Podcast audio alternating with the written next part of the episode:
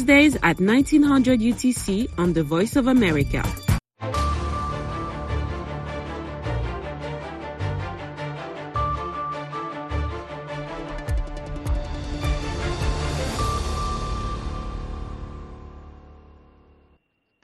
halkani waa washington laanta afka soomaaliga idaacadda v o a oo aad si toos uga dhageysanaysaan mawjadaha gaagaaban efmid geeska afrika iyo caalamka o dhan oo aad nagala socotaan v o a somaly com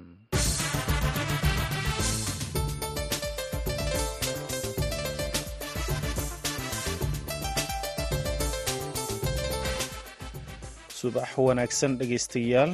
Waa khamiis sagaaabaatanka bisha februari sanadka laba kun iyo afar labaatanka. Idaacadda saaka iyo caalamka waxaa idinla socodsiinaya anigoo ah cabdulqaadir maxamed samakaab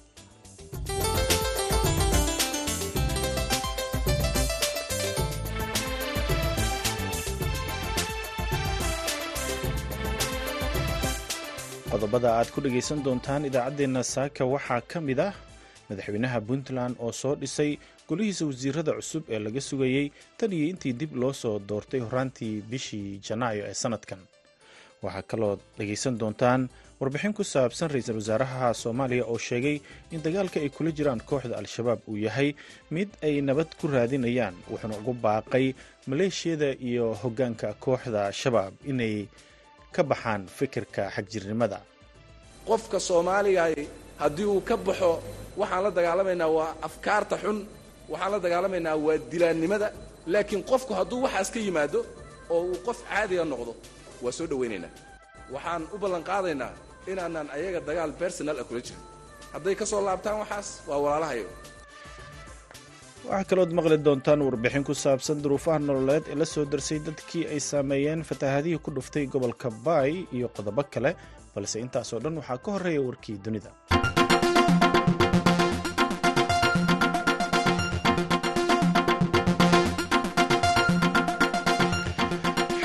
ku sugan magaalada new york ayaa arbacadii diiday inuu hakiyo amarka maxkamadeed ee sheegaya in madaxweynihii hore ee trump uu bixiyo lacag gaaraysa afar boqol iyo afar iyo konton milyan oo dollar isagoo racfaan ka qaatay. Garsooraha lagu magacaabo anil siin ayaa sheegtay in madaxweynihii hore ee trump ay tahay inuu bixiyo damaanad u dhiganta guud ahaan lacagta laga doonayo si loo joojiyo amarka fulinta ee maxkamadda kaas oo ah in lacagta laga qaado hadda. Garsooraha ayaa tixgeliyey qeyb ka mid ah codsiyada trump kuwaas oo ah in la hakiyo in trump laga mamnuuco inuu muddo saddex sannadood ah wax amaaha ka doonto bangiyada ku yaalla new york. Tallaabadan ayaana u sahlaysa inuu raadsado damaanad lacageed oo looga baahan yahay garyaqaanada u doodaya trump ayaa goor hore oo arbacadii ah u sheegay maxkamadda in trump uu diyaarinayo damaanad u dhiganta ilaa boqol milyan oo dollar iyagoo ku dooday in amarkii mamnuucidda amaahda ee lagu soo rogay bishan februari lix iyo tobankeedii uu dhabar jab ku noqday inay helaan guud ahaan lacagta laga rabo mij mcconnell oo ka mid ah siyaasiyiinta ugu muddada dheer uguna awooda badan maraykanka ayaa arbacadii sheegay inuu bannaynayo jegada hogaamiyaha mudanayaasha xisbiga jamhuuriga ee golaha sanadka marka la gaaro bisha nofembar ee soo socota xilligaas oo ay dhacayso doorashada maraykanka mij mcconnell oo ka tirsan xisbiga jamhuuriga ayaa ah hogaamiyaha ugu muddada dheer taariikhda maraykanka ee golaha sanadka isagoo golahaasi ku soo jiray muddo toddoba iyo toban xilli ah oo mar kastana uu ahaa hogaamiyaha mudanayaasha xisbiga jamhuuriga ee golaha sanadka. Marka ay iyagu aqlabiyadda leeyihiin iyo marka hogaanka golaha laga haysto. Wuxuu u sheegay saaxiibadiisa in hadda la joogo xilligii uu kursiga bannayn lahaa mij mcconnell ayaa toddobaadkii hore noqday laba iyo siddeetan sano jir wuxuuna sheegay inuu gabaabsi marayo xilligii uu wax badan ku soo kordhin lahaa xafiiska uu joogo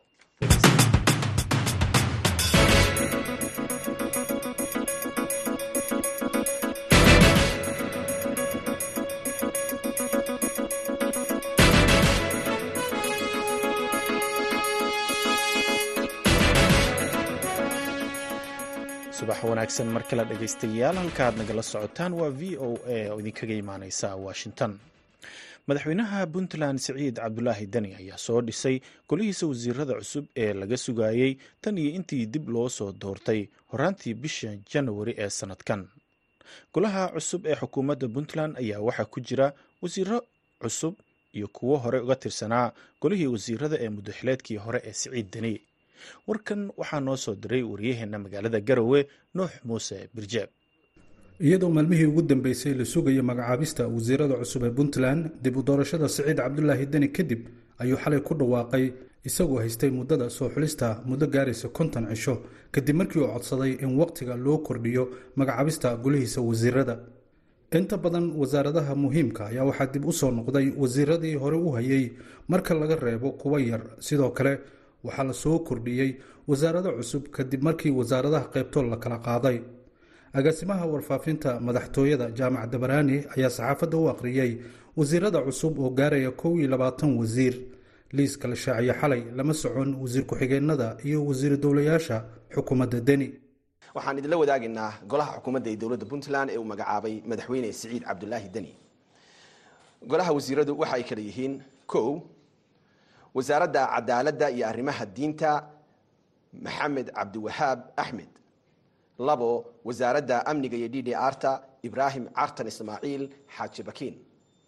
Saddex wasaaradda arrimaha gudaha iyo federaalka cabdi faarax juxa. Wasaaradda maaliyadda maxamed faarax maxamuud. Shan wasaaradda qorshaynta daa'uud maxamed cumar. Lix wasaaradda waxbarashada fu'aad abshir axmed adeer toddoba wasaaradda caafimaadka siciid jaamac cali qoorsheel sideed wasaaradda howlaha guud iyo gaadiidka faarax cawad jaamac. Sagaal wasaaradda dekedaha shaakir maxamed guuleed. Toban wasaaradda duulista hawada cabdulaahi bilan nuur. Koob iyo toban wasaaradda haweenka maryan axmed cali labiyo toban wasaaradda warfaafinta maxamuud caydi dir saddex iyo toban wasaaradda ganacsiga iyo warshadaha axmed shire siciid. Afar iyo toban wasaaradda xanaanada xoolaha cumar cabdi samed yuusuf dhuux shan iyo toban wasaaradda deegaanka iyo isbeddelka cimilada maxamed cabdiraxmaan maxamed faroole lix iyo toban wasaaradda kalluumaysiga cabdirasaaq cabdulaahi xagaa. Toddobiyo toban wasaaradda shaqada iyo arrimaha bulshada cabdiraxmaan axmed cabdulle sideed iyo toban wasaaradda macdanta iyo biyaha liibaan muuse cismaan sagaal iyo toban wasaaradda gargaarka ubax cabdirashiid maxamed xirsi. Labaatan wasaaradda beeraha maxamed cabdiqaadir saalax. Koob iyo labaatan wasaaradda dhallinyarada iyo ciyaaraha hodan siciid xasan. Golaha wasiirada ee caawa la magacaabay waa intaas. Madaxweyne deni ayaa xilli aada u badan haystay liiska xukuumadda cusub wararka ayaa tilmaamaya in qancinta beelaha ay ahayd caqabado uu wajahayay madaxweynaha. Arrinta kale ee xusada mudan ayaa ah in markii ugu horeysay ay golaha wasiirada puntland soo galeen ilaa saddex wasiir oo haweena oo kala hogaaminaya saddex wasaaradood. Nuux muuse birjeeb v o a garowe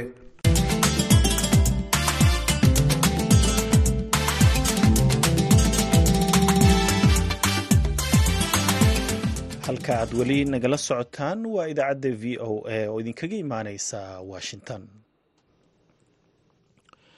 Ra'iisul wasaaraha soomaaliya xamse cabdi barre ayaa sheegay in dagaalka ay kula jiraan kooxda al-shabaab uu yahay mid ay nabad ku raadinayaan isagoo dhinaca kalena baaq u jeediyey maleeshiyada iyo horjoogayaasha kooxda inay waddada nabadda qaataan oo ay ka laabtaan fikirka xagjirnimada iyo dhiigdaadinta isagoo ka hadlay magaalada muqdisho ayuu sidoo kale sheegay in waxa ay la dagaalamayaan uu yahay fikirka qaldan laakiin qofkii ka soo baxaa ay soo dhoweynayaan dagaalkana uu qayb ka yahay xalka ay raadinayaan. Dagaalka aan kula jirno khawaarijta asalkiisu waxaa waaye waa nabad raadis annagu nabad doonnaan nahay dagaalkaas nabad baan ku raadinaynaa haddii aan ku helayno nabad oo dadkanaga dilka laga daynayo oo ay dadkaasi ay dariiqa saxdaa ku soo toosayaan nabad waxaan diyaar u nahay nabad hadaf marna nooma aha qof la dilo hadaf nooma aha in qof la dilo hadaf nooma aha hadafka iyagu waxaa waaye in nabad la helo waaye marka waxaan ugu yeeraynaa mar kale dhallinyarada soomaaliyeed iyo duqowdaba kuwa duqowana wala joogaane ee maskaxdu ka kharibantay ee caqiidadu ka xumaatay ee dhumay waxaan ka codsanaynaa inay jidka saxdaa ku soo toosaan annaguna waxaan u ballan qaadaynaa inaanan ayaga dagaal bersonal ah kula jirin hadday ka soo laabtaan waxaas waa walaalahayo. Sidaa aan haddeertaan aan dee examples fara badan aan ka sheeg sheegi karo oo kuwii awal horeba waxaas ku jiray hadda aad og tihiin sida ay dawladdaani u accommodate garaysay iyo sida ay ay maxaan ku dhahaa ay u sharaftay iyo sida u karaamaysay. Qofka soomaaligaay haddii uu ka baxo waxaan la dagaalamaynaa waa afkaarta xun waxaan la dagaalamaynaa waa dilaannimada waxaan la dagaalamaynaa waa dugaagnimada laakiin qofku hadduu waxaas ka yimaado oo uu qof caadiga noqdo oo uu sidii qof caadiga oo soomaaliyeed oo intan oo kalea uu soo noqdo oo uu dadkiisa iyo dalkiisa nabad inuu ku noolaado uu rabo waa soo dhawaynaynaa aad baa u soo dhawaynaynaa marka nooma aha dagaalku xal keligiis ma aha. Dagaalka xal baan ku raadinaynaa. Laakiin xalka ugu dambeeya waa wadahadal inkastoo aysan ahayn markii u horreysay ee madaxda soomaaliya ay baaqidan oo kale u jeediyaan kooxda shabaab ayaa haddana baaqa ra'iisul wasaare xamse wuxuu ku soo aadayaa iyadoo dowladda soomaaliya ay isu diyaarinayso in amniga dalka ay kala wareegto ciidamada midooda afrika ee admis kuwaas oo la sheegay in dhammaadka sanadkan ay soomaaliya ka bixi doonaan axmed kaboole oo ka faallooda arrimaha ammaanka ayaa qaba in baaqa ra'iisul wasaaraha aysan kooxda si sahlan ku qaadan doonin maadaama ay wakhti dheer dagaal xagga fikirka ah kula jirto dowladda soomaaliya. Isagoo dhinaca kalena sheegay in kooxda shabaab ay tusaale ka dhiganayaan kooxda taliban ee afghanistan.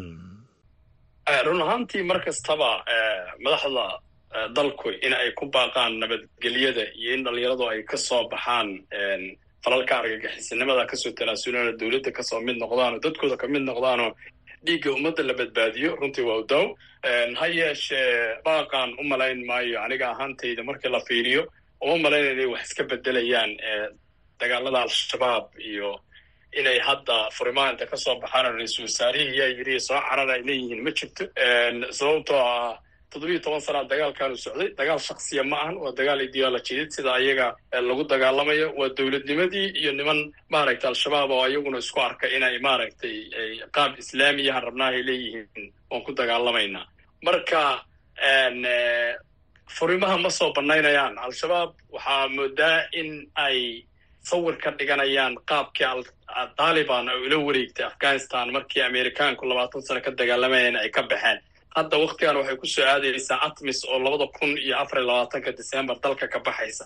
Marka waxaa laga yaabaa in ay isleeyihiin inay survive gareeyaan oo dagaalkan hadday ka badbaadaan wejiga koowaad iyo wejiga labaad ee gulufka colaadyada dowladda soomaaliya ay ku baaqday haddii ay ka badbaadaan waxaad moodaa inay rajo ka inay dowladnimada qayb ka noqdaan ayagoo rabitaankooda la meel marinayo marka waxay ku xiran tahay hadba inta aysan atmis bixinin.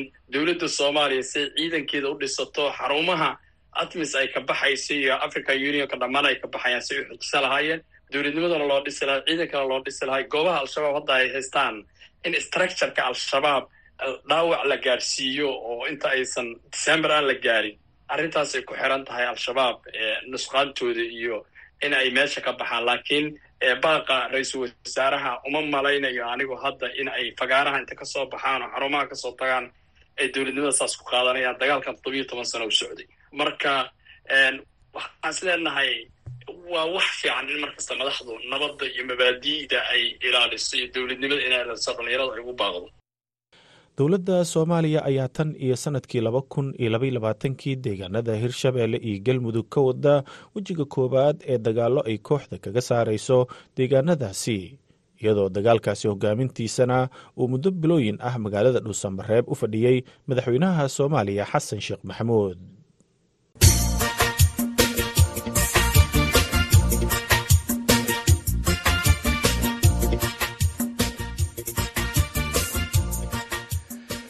weli waxaad nagala socotaan idaacadda v o a. Mar kale subax wanaagsan dhegeystayaal mas'uuliyiinta maamulka gobolka baay iyo saraakiisha hay'adaha u n-ka ayaa ujeedada socdaalka ay ku tageen qaar ka mid a degmooyinka gobolka baay.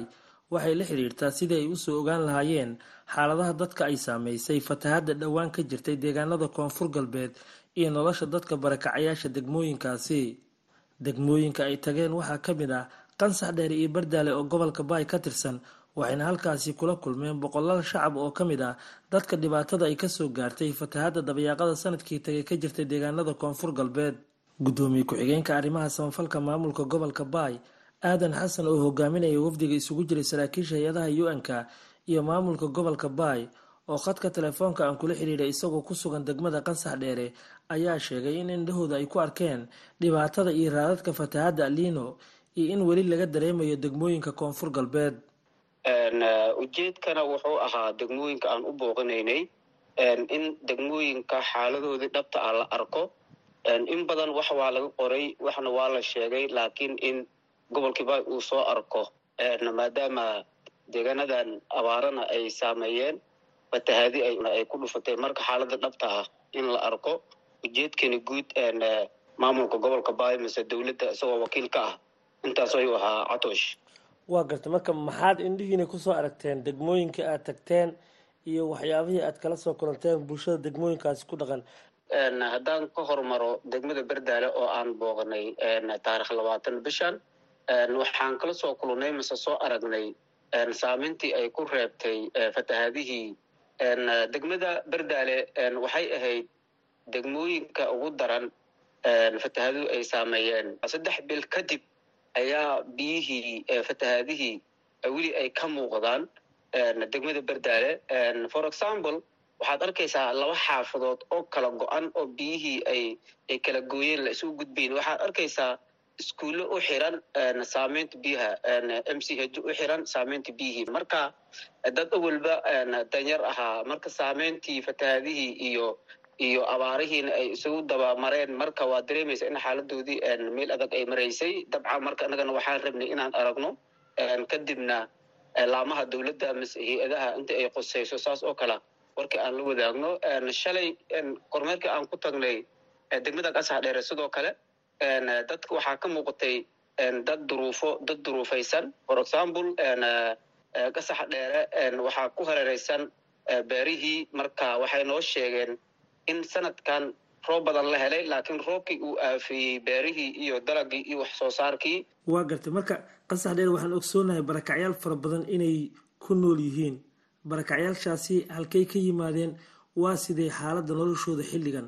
Dadka inta badan tuulooyinka ku hareereysan degmada qasax dheere ayay ka soo barakaceen magaaladii bay joogaan. Marka meeshii bay dowladdii iyo hay'adihii oo wada jira ay ku caawinayaan marka waxaa ka muuqatay baahiyo oo dhanka cuntada ah waxaa ka muuqatay xagga biyaha oo kale waxaa ka muuqatay in caafimaadka naftirkiisii sidii la rabay uusan ahayn. Abaha anagu hadda aan soo aragnay waxaa ka mid ahaa in ceelashii biyahoodii macaana ay qaraaraadeen qaraar ay noqdeen lama cabi karo oo waa qaraar. Marka markaanu injineerada iyo dadka biyaha iyo ceelash ku hal dheer markaan wareysinay waxay noo sheegeen in biyihii ay soo dhowaadeen marka roobkaasi badnaa uu saameeyey. Marka intaas oo dhanba waxay ahayd in dowladdii ay aragto baahiyahaasi kadibna intii lala tacaali karo mise laga jawaaba degmadii ay ka mid tahay degmooyinka qolooyinka nabaddiidka ay go'doomiyeen waxyaabaha aan soo aragnay waxaa ka mid ahaa in yacni sokorta baydhabo haddi labaatan labaatan iyo shan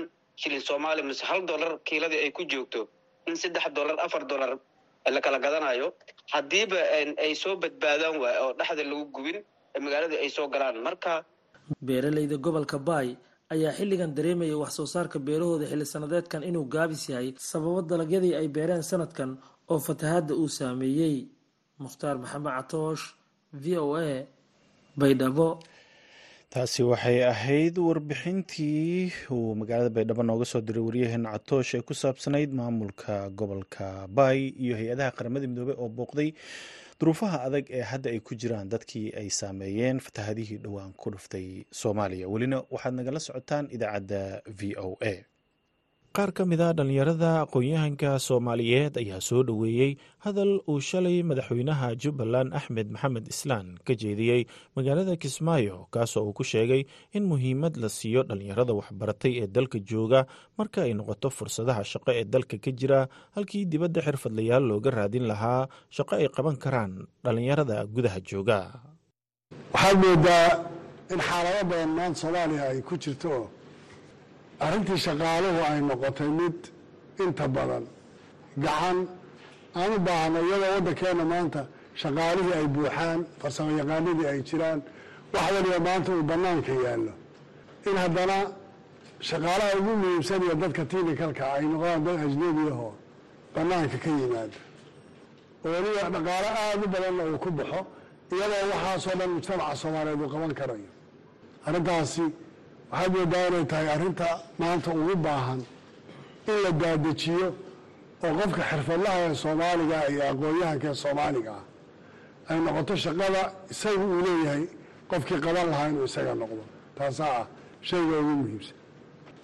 Taa macnaheedu waxay noqonaysaa in la imbaawer gareeyo oo prioritiga iyaga la siiyo ibraahim aadan xiifow oo ah guddoomiyaha ururka dhallinyarada ee gobolka jubbada hoose oo ku sugan magaalada kismaayo ayaa sheegay inay u riyaaqeen hadalka madaxweyne axmed madoobe isagoo ku tilmaamay haddii la hirgeliyo inay rajo gelinayso dhallinyarada waxbaratay ee dalka jooga. Haddaan nahay dhallinyarada soomaaliyeed aad baan ugu faraxsanay waana ku riyaaqnay hadalkii ka soo yeeray madaxweynaha kaasoo u ahaa in dhallinyarada waddanka wax ku baratay loo sameeyo shaqo abuur. Shaqooyinkaas run ahaantii horaan sida madaxweynaha uu sheegay in waddanka dibaddiisa laga keeni jiray shaqaale ay xirfadahaas iyo shaqooyinkaas ay si la mida ay qaban karaan dhalinyaro waddanka gudihiisa wax ku baratay. Shaqaalaha dibadda laga keenay kuwaasoo ku bixi jiray dhaqaalo fara badan iyo fikir fara badan sidii waddanka loo keeni lahaa. Dhaqaalahaas iyo mushaarkaas ku baxaya ay u dhiganto ama la siin karo dhalinyaro fara badan oo dalka gudihiisa ah. Hadalka madaxweynaha uu ku baaqay wuxuu rajo geliyey dhammaan dhalinyarada soomaaliyeed meel walba ay joogaan. Ka dhalinyaro ahaan aad baan ugu faraxsannahay waxaan jecelnahay in hadalka uu madaxweynaha ku baaqay in uu hirgeli doono. Innagana aan ka faa'iidaysan doono fursadahaas shaqa abuurnimo ay qaban jireen ajaaniib aan aqoon iyo xirfad intaba aan nagu dhaamin. Maxamed xaadir nuur oo ka mid ah dhallinyarada waxbaratay ee ku sugan magaalada muqdisho ayaa ka hadlaya caqabadaha dhallinyarada ka haysta marka ay noqoto helista fursadaha shaqo ee dalka ka jira. Caqabadaha ugu waaweyn oo ku horgudban waxa weeyaan marka hore inta badan dee dowladaha ama hay'adaha waxay xarumo ku leeyihiin waddamada dibaddiisa oo khaasatan nairobi oo kaleeto marka hay'adda xamarka howlgalaysana inta badan shaqaalaha ay qaadanayso waa shaqaalo ay moogtahay ay horey u garanaysay ama tacaamul kala dhexeeyey ama dad ayaga organizationkaas ka shaqeeya uu u sii fududaynayo halkaas waxa weye caqabada koowaad waa xiriirka u dhexeeya hay'adaha caalamiga iyo dadka soomaalida locaalka talabaada dowladda iyo nidaamyada systemka soomaaliyeed ama maamul gobol ha noqdo ama heer federaal ha noqdo yani dadka ajaanibta hay'aduhu u soo diraan inta badan ayaguna waxay door bidayaan halka dadka soomaalida ay isticmaali lahaayeen in ayagana ay raadiyaan dad kaleeto maaragtay ay dibadda ka soo qaataan. Waa caqabada labaad oo ayadana lamida tii horaan ku sheegay.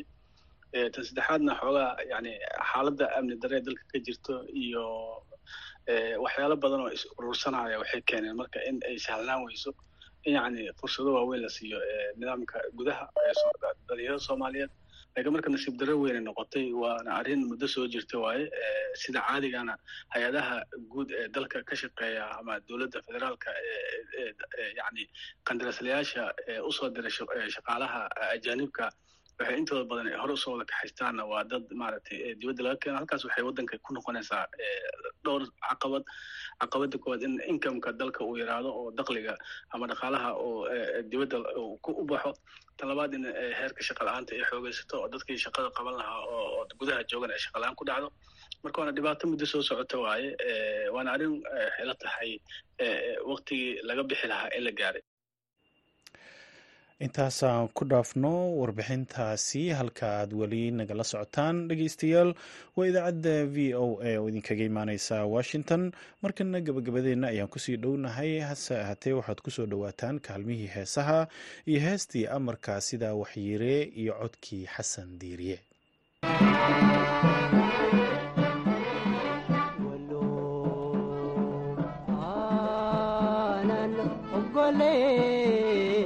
الندميل كليات ولو قال وانا جيت كوينت اكتير اما انا اقول لي الندميل كليات amrkaa sidaa wax yidhee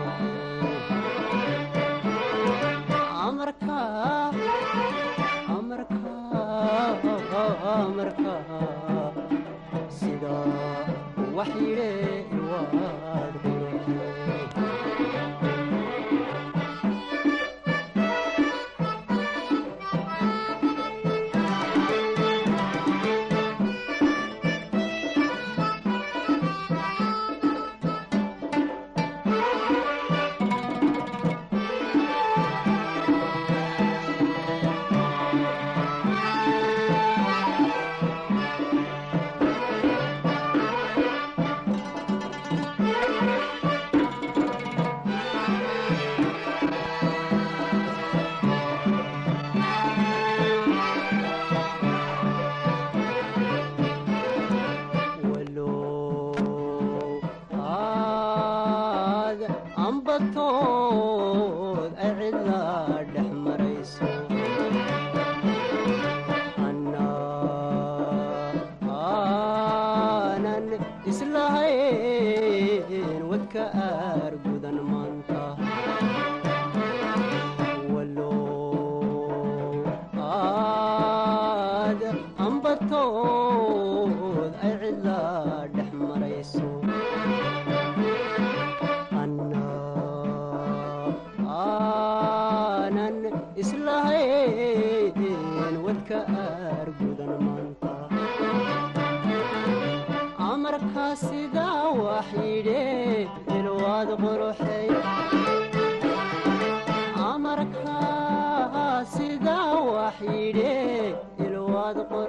Amar,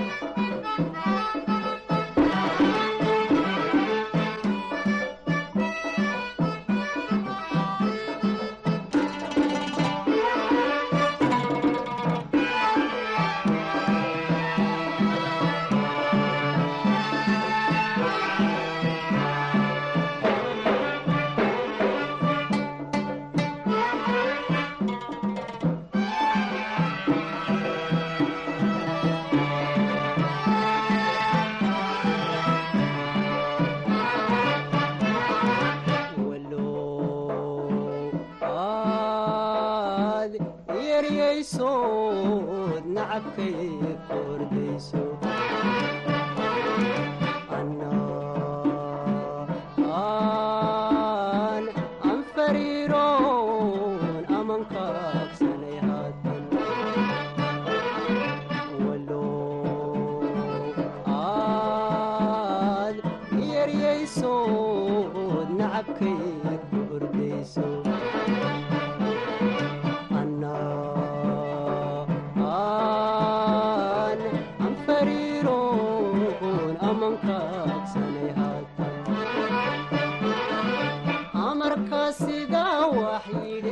heestaasi amarkaa sidaa wax yiri iyo codkii xasan diiriya ayaa u dambeeyey idaacaddeennii subaxnimo. Tan iyo idaacaddeenna duhurnimo waxaanu idinkaga tegaynaa sidaa iyo nabadgelyo